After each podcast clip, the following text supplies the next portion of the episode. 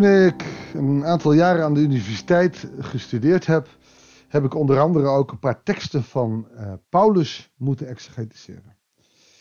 En ik had daar uh, les van een bekende theoloog, Nieuw Testament. En in mijn opdracht confronteerde ik daar de lezer met het feit dat Paulus wel eens wat het Oude Testament wat verdraait om zijn punt te maken. Had in, met gelaten 4 te maken, waarin hij, de, geloof ik, Hager zo uit mijn hoofd een andere rol geeft. Ehm, dat gebruikt hij, dat kan een Jood heel makkelijk doen om zijn punt te maken. In het gedeelte van vandaag ben ik geneigd te zeggen, Paulus, ik ben het niet met je eens. Alleen wil ik Paulus snappen waarom hij het zegt, dan moet je het ook binnen de bepaalde cultuur gaan kijken. Het gaat vandaag over de vrouw in het ambt dan bijvoorbeeld. Dus ik ga je meenemen in mijn gedachtegoed. Nogmaals, een podcast is niet om mij klakkeloos te volgen. Je mag het met mij oneens zijn. Maar als je het met mij oneens bent, probeer, bent, probeer dan voor jezelf onder woorden te brengen hoe je er dan wel over nadenkt. Het voordeel daarvan is dat je bent gaan nadenken. En het belangrijkste in het geloof in stille tijd is dat je gaat nadenken over Bijbelteksten. En dat wil ik je vandaag ook toe uitdagen. Goeiedag, hartelijk welkom bij een nieuwe uitzending van het Bijbels Dagboek.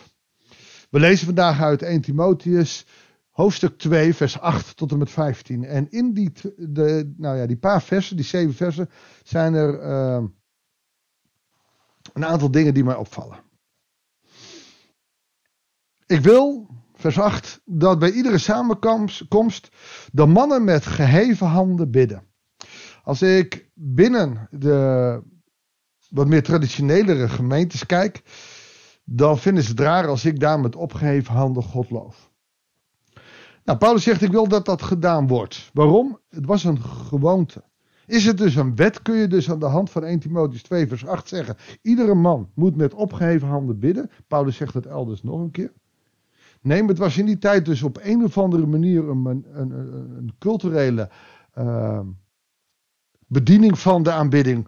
Door met opgeheven handen te bidden en maar ook te lofprijzen.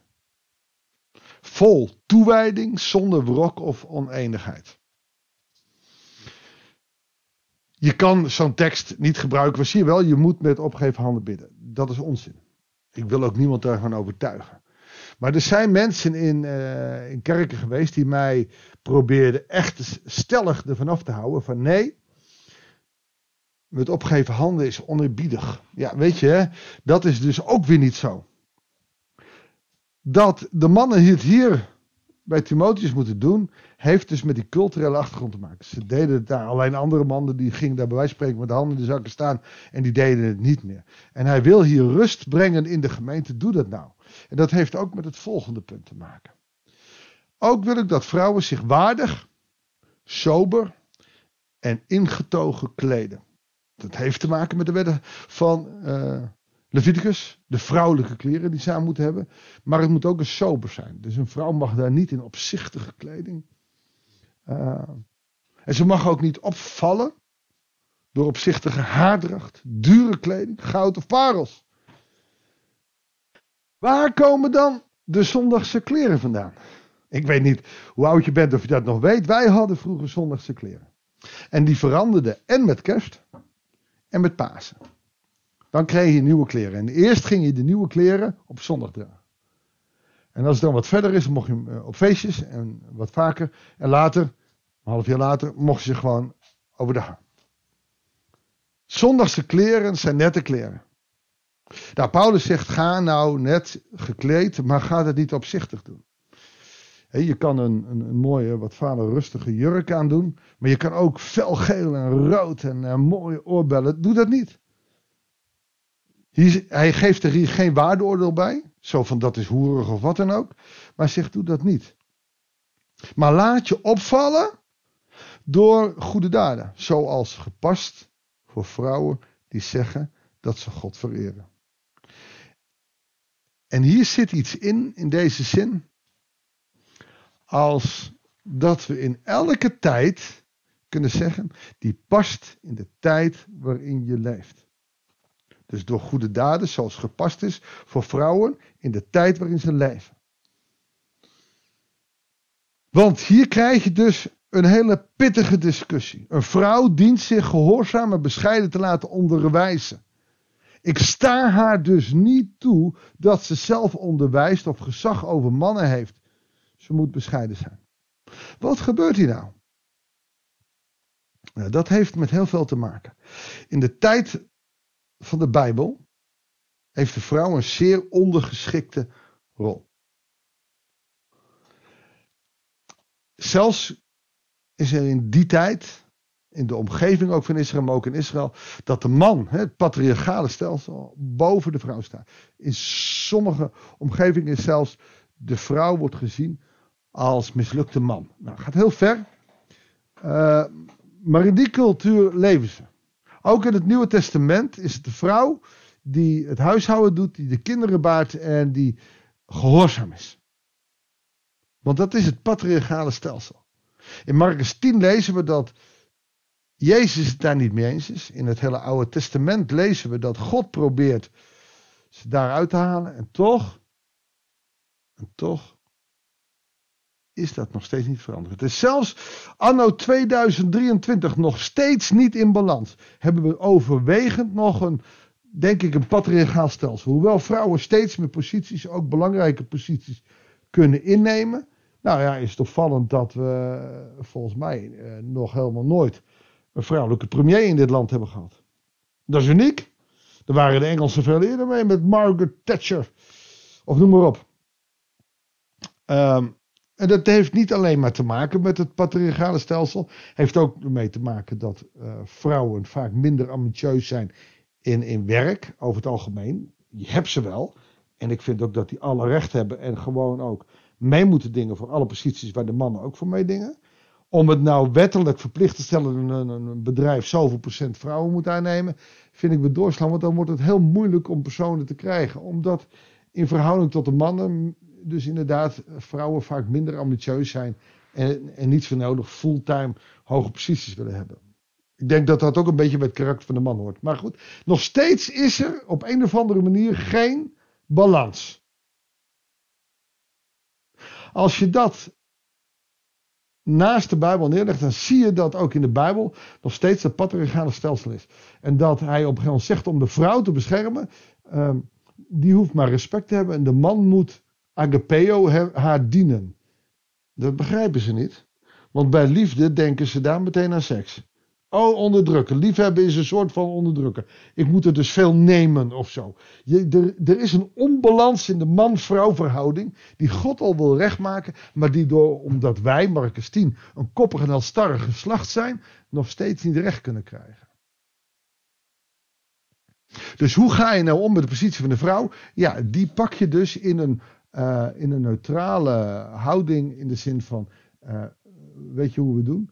De vrouw heeft niet zoveel te zeggen. Laat die nou niet opvallen door kleren, maar door goed gedrag. Feitelijk is daarmee de vrouw meer een voorbeeld voor de man, die daar een voorbeeld als kunnen nemen. Alleen in die tijd moesten vrouwen hun mond houden. Dat was heel stellig. En als je dan dus toe gaat staan in de christelijke kerk. dat vrouwen daar opeens het woord mogen voeren. dat past zo niet bij deze tijd. Dat, dat zou een rel zijn geworden. Dat zegt niks over de positie van de vrouw in deze tijd. Want onze cultuur is heel anders. Ik kan geen vrouwenbroek aan. Maar vrouwen kunnen wel degelijk gewoon een jeans aan. Een vrouwenmodel. Dat is vrouwenkleding in deze tijd. De tekst in Leviticus niet bedoeld dat we in 2023 een rokje lopen en een hoedje opdoen als we naar de kerk gaan. Nee, het is bedoeld om de positie van de vrouw duidelijk te stellen en de onderscheid te maken. En dat ze zich dus niet opzichtig mag kleden, heeft ook te maken dat ze daarmee niet de verleiding van andere mannen uh, zijn, zodat zij afgeleid zijn. En dat ze weliswaar in situaties kunnen komen waarin die man haar wil veroveren of wat wil doen. En dat is in die tijd ook nog zo goed mogelijk. Kijk maar naar het verhaal van Abraham. Als die had gezegd dat is mijn vrouw, dan was Abraham gedood en had de farao, uh, uh, die had, had Sarah genomen tot vrouw. Daar was Abraham tenminste bang voor. Dus elke tijd heeft dus zo zijn problemen met de culturele verschillen. Dan betekent dat we deze tekst nooit helemaal over mogen zetten naar deze tijd.